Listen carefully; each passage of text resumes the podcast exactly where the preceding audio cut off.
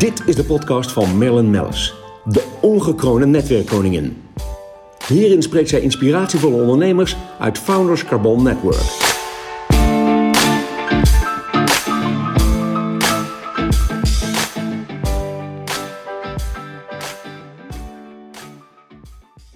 Welkom Jeroen Opstelten. Hiscox eh, Specialist Assurance. Jullie zijn natuurlijk een eh, verzekeringsmaatschappij. Hè? Jullie werken ook weer met tussenpersonen. Welkom hier aan, aan tafel op de Koningslaan. Zo in de donkere dagen, hè? het eind van het jaar. Heerlijk om jou weer uh, te spreken en te zien. Ja, er valt eigenlijk heel veel te vertellen over jullie vakgebied. En jullie zijn natuurlijk eigenlijk sinds jaar en dag al aan boord bij het Founders Carbon Network. Ook als een van onze trusted advisors, zeg maar, op dit gebied. Dus um, vertel eens wat meer. Over ja. Hiscox denk ik zelf eerst eens even voor de luisteraars. Want het ja, al uit 1901. 1901 inderdaad, ja. dus uh, we zijn uh, niet van gisteren. Volgens mij zijn we lid sinds 2013 uh, ja. Marlin, van FCN. Ja. En uh, uh, het is echt fantastisch om daar deel van mogen uitmaken. Nee, Hiscox is een hele gespecialiseerde verzekeringsgroep. We zijn geen standaardverzekeraar. we zijn inmiddels wel uit het Londense uitgewaaid. Daar is het allemaal begonnen, Lloyds of Londen. De ja, verzekeringstempel voor bijzondere risico's. Um, en daar komen alle hele bijzondere projecten in de wereld uiteindelijk naartoe om verzekerd te worden. Hiscox is zich gaan uitbreiden. We zitten nu uh, in 14 landen, hebben 35 kantoren. En uh, ik ben werkzaam uh, voor de Benelux-organisatie, wat onderdeel is van Europa en dat is weer onderdeel van de groep. We verzekeren eigenlijk bijna alleen maar bijzondere risico's. En dan moet je denken aan de kunstverzekeringen, ontvoering en afpersingsverzekeringen. Oh, dat hebben jullie ook, ja. Dat is Hiscox is uh, wereldmarktleider op dat vlak. Maar nog veel meer eigenlijk, heel veel, veel meer. wat veel Ja, cyberverzekeringen, ja? boeksensprakelijkheid, lanceerrisico uh, en het in een baan rond de aarde brengen van, van satellieten. Dat zijn hele grote projecten oh, die onder heel veel verzekeraars worden gedeeld. Nooit over nagedacht, maar dat moet natuurlijk ook verzekerd worden. Er gaat erg veel geld ja? in om. Olie- en aardgaswinning. Uh, maar als we wat meer bij, bij, ons, bij ons thuis hier blijven, dan uh, denk ik dat we ons even moeten beperken tot één van die specialisten die, specialismen die heel diep geworteld zit in de Hiscox-groep. En dat is uh, wat we noemen art en private clients. Dus alles wat met kunst te maken heeft. Ja. En het verzekeren van het bezit van vermogende particulieren. Dus luxe, luxe villa's, tweede woningen, derde woningen, kunstcollecties, sieradencollecties. Uh, design inboedel, oldtimers, ja, classic cars. Ja, anything collectible. Ja, mooi gezegd eigenlijk, anything collectible. Ja, daar zit vaak een hele mooie waarde aan vast. Absoluut. En jullie zijn natuurlijk internationaal, hè? Ja, klopt. We hebben kantoren, netwerk in, uh, in Europa, uh, Azië, Amerika, Engeland. Hoofdkantoor zit officieel op Bermuda. We hebben 3100 medewerkers, uh, ongeveer ruim 4 miljard omzet. Maar dat klinkt allemaal heel groot. Uiteindelijk gaat het ons om de klant. En, ja. nou, daar kan ik alles over meespreken. Want ik weet niet of je nog herinnert, een aantal jaren geleden dat er een enorme hagelregen was in de bergen, waar wij een heel schattig houten chaletje hebben, waarbij uh, nou ja, echt de helft van het chalet werd, uh, ja, zware schade opliep. En binnen één dag stond daar iemand van Hiscox ja. uh, te facetimen met me en de schade op te nemen en alles te regelen. Ik was enorm onder de indruk, als ik heel eerlijk ben. Um, maar dat, dat is wel heel typerend voor jullie, heel persoonlijk en en snel alles geregeld. Nou ja, dat is het. Hè. Dus, uh, op de gekste plekken dus. Op de gekste plekken. En uh, ja, als je je gaat richten op het verzekeren van private clients... en in alle bescheidenheid, we verzekeren nu ongeveer 55% van de quote top 100 in Nederland. Zonder ja. verder namen te noemen. Het is ook heel confidentieel allemaal. Maar dan heb je te maken met uitermate bijzondere risico's. En ja, dat, is, dat varieert van grote kunstcollecties van tientallen miljoenen, van enkele honderdduizenden euro's, uh, luxe appartementen, uh, midden in de bergen, uh, ergens aan de grachten. Of in de jungle. Het, in de jungle. het is een scala aan risico's, enorme grote collecties met klassieke auto's. En inderdaad, ja, als je dat verzekert, moet je ook zorgen dat je dat uh, kan gaan regelen op het moment dat daar schade aan is. Ja. En dat, dat, ik vind het veel leuker om over schades te hebben dan uh, over, over ja, verzekeringen. Maar goed, je hebt natuurlijk vast wel hele mooie verhalen. Mag ik jou vragen? Je bent natuurlijk heel discreet wat betreft namen. Dat is uh, natuurlijk logisch. Maar misschien kan je nog wat anekdotes vertellen. Want volgens mij kom je hele bijzondere schades tegen als ik me zo wat mag bedenken. Ja, dat zijn natuurlijk. Nou, ik, ik, ik, ik er schiet bij mij een paard wat een, een, een, een zwembad inwandelt. Omdat hij denkt nee. dat dat zwembad... Dus die wandelt over die overkapping en zakt er dwars doorheen. Het, gaat, het hoeft niet altijd te gaan om enorme bedragen. Maar ja, er zijn natuurlijk geweldige schade, beelden. ja. Zo'n een keer een koe gehad die erin gewandeld is en die weer uit wilde komen met een enorme schade tot gevolg. Oh, maar dat is allemaal nog misschien in, eh, in, de- in, de, in de sfeer van eh, Kan we lossen het op, kan ja, gebeuren. En, eh, maar het zijn natuurlijk ook wel gevallen waar een huis helemaal afbrandt en waar dat gezin dus letterlijk dus eh, in de nachtkleding eh, met z'n allen eh, voor de deur staat. te kijken ach, hoe, eh, hoe een villa afvikt. En dan is de vraag natuurlijk, wat gaan we morgen doen? Hè? Dus eh, waar gaan wij, en dat gaat maanden en vele maanden vaak duren.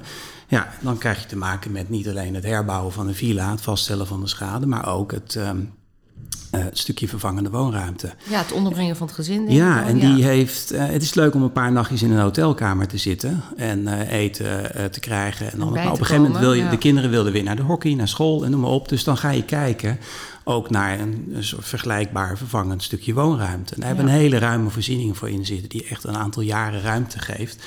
Om door Mooi. te kunnen leven. Ja. En, ehm, en dat, dat is het. Hè. Een ondernemer wil blijven ondernemen. Maar particulier is ook een beetje natuurlijk een ondernemer thuis. Eigenlijk precies. En, en, en wat ik ook altijd zeg, als ondernemer eh, wil je heel graag dat gewoon je lekker kunt ondernemen en lekker kunt handelen. Lekker, hè, zeg maar eventjes eh, uitgedrukt. Maar het fijne is natuurlijk wel dat je dan weet dat de boel in, op orde is. Zakelijk, maar ook privé. Ja. Ja, Ja. precies. Is maar heb je nog meer voorbeelden? Want ik Ja. meen me iets te herinneren van wijnen en een... Ja, dat heb ik je waarschijnlijk wel eens verteld. Ja. Ja. dat is, eh, nou, wij verzekeren natuurlijk van allerlei eh, bijzondere eh, collecties. En ook wijncollecties. We hadden een cliënt waar de poetsvrouw ochtends eh, zei van... volgens mij gaat er iets fout in de, wijn, eh, in de wijnkasten.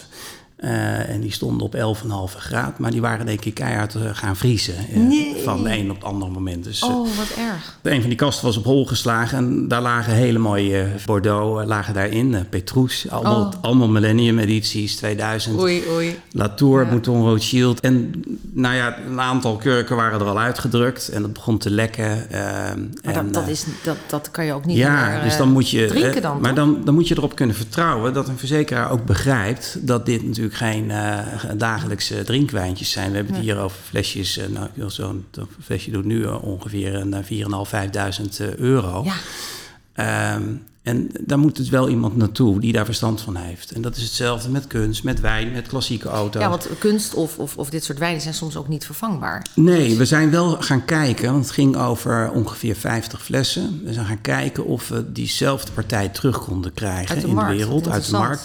Om de klant de keuze te geven om volledig schadeloos gesteld te worden. Eh, Ja. dus een uitkering. Ja, of, of of vervangende wijn. Het is, het was alleen wat moeilijk om op korte termijn zoveel flessen bij elkaar te Ja, krijgen ja. van, van, van, van, van die jaren. is wel weer heel erg attent dat jullie het ook op die manier proberen op te lossen. Ja. me voorstellen dat iemand dat, dat ja, bij elkaar spaart, eigenlijk, zo'n collectie. Nou, ik, Is dat wel heel veel waard voor zo iemand? Nee, dat klopt. Kijk, op mijn weg hier naartoe ben ik twee keer gebeld. Eén keer ging over een schade waar eh, iets heel bijzonders is gestolen. En het gaat de klant maar om één ding. En dat is het terugverkrijgen van datgene wat gestolen Ja. is. Hebben wij die schadeuitkering al gedaan. Maar wij blijven niet stilzitten. Nee. Dus daar wordt achter de schermen heel hard gewerkt voor het Het is ook wel een beetje spannend, jongen. Ik heb Ja. haast er een soort van detective bureau Ja. bij jullie achterhangt. Ja, je maakt hele gekke dingen Ja, mee. maar het is eh, ook wel heel bijzonder. Ja, we hadden ook eens een duif die naar binnen vloog. En eh, die raakte in paniek. Die, eh, die wilde weer naar buiten toe. En die gooide een, eh een hamwachter. Eh, Er stonden er hier vijf op een rij. En die gooide één hamwachter om. Oh. Eh, de hamdynastie. Eh, ja, dat is wel. Ja, dat is natuurlijk, ja, die moment. duif die liet Die natuurlijk geen visitekaartje achter. En die was weer weg. Ja, Maar, ja, en ook niet je- dat je zegt, we gaan hem even lijmen. Dat Nee, echt nee nou, je kan vreselijk. natuurlijk wel veel weer restaureren. Maar we hebben ook de mogelijkheid om een object totalos te verklaren. En te zeggen, nou, hè, dus met een schilderij waar een winkelhaak in heeft gezeten. En zegt, nou, ik blijf dat maar zien. Ja. En dat noemen we de emotionele optie. Dan kan je ook afstand doen van je Oh, object. Ja. Dus het is, eh, wij, alles is erop gericht om de klant schadeloos te stellen. En dat is niet altijd met geld, maar soms Nee. ook eh, om ervoor te zorgen dat we een vervangend exemplaar gaan vinden in de wereld. Leuk. Ehm, ja, schades, daar kunnen we uren over doorgaan. Ja, ik, ik, ik, ik, ik zit nog even te kijken, want ik had natuurlijk een paar aantekeningetjes gemaakt. Ik dacht, wat, wat wil ik allemaal vragen? Want jullie eh, verzekeren zoveel. Ehm, waar moet je eigenlijk op letten? Eh, dat is want dat is wat ik me altijd afvraag. Hè. Doe ik het goed? Eh, Ben ik goed genoeg verzekerd? Maar waar moet ik Ja. precies op letten? Nou, leuk dat je Ook het niet, vraagt. niet alleen als ondernemer, hè, maar ook als, als, als Ja. persoon, privé. Laten we beginnen. Als, als de vraag gaat over verzekeringen, denk na waar je bent verzekerd, hoe je bent verzekerd. De wereld is uh, heel erg gericht op confectie als het om verzekeringen gaat. Oh ja? Er is een enorme standaardisering Heel gaande. basis, ja. Uh, zowel tussenpersonen als uh, verzekeraars die fuseren en die standaardiseren en alles wordt in een hokje gestopt. Ik moet zeggen, we zijn in Nederland nu hier ruim 25 jaar actief. Ja. Uh, ik ben daar ruim 20 jaar uh, bij betrokken. Ja.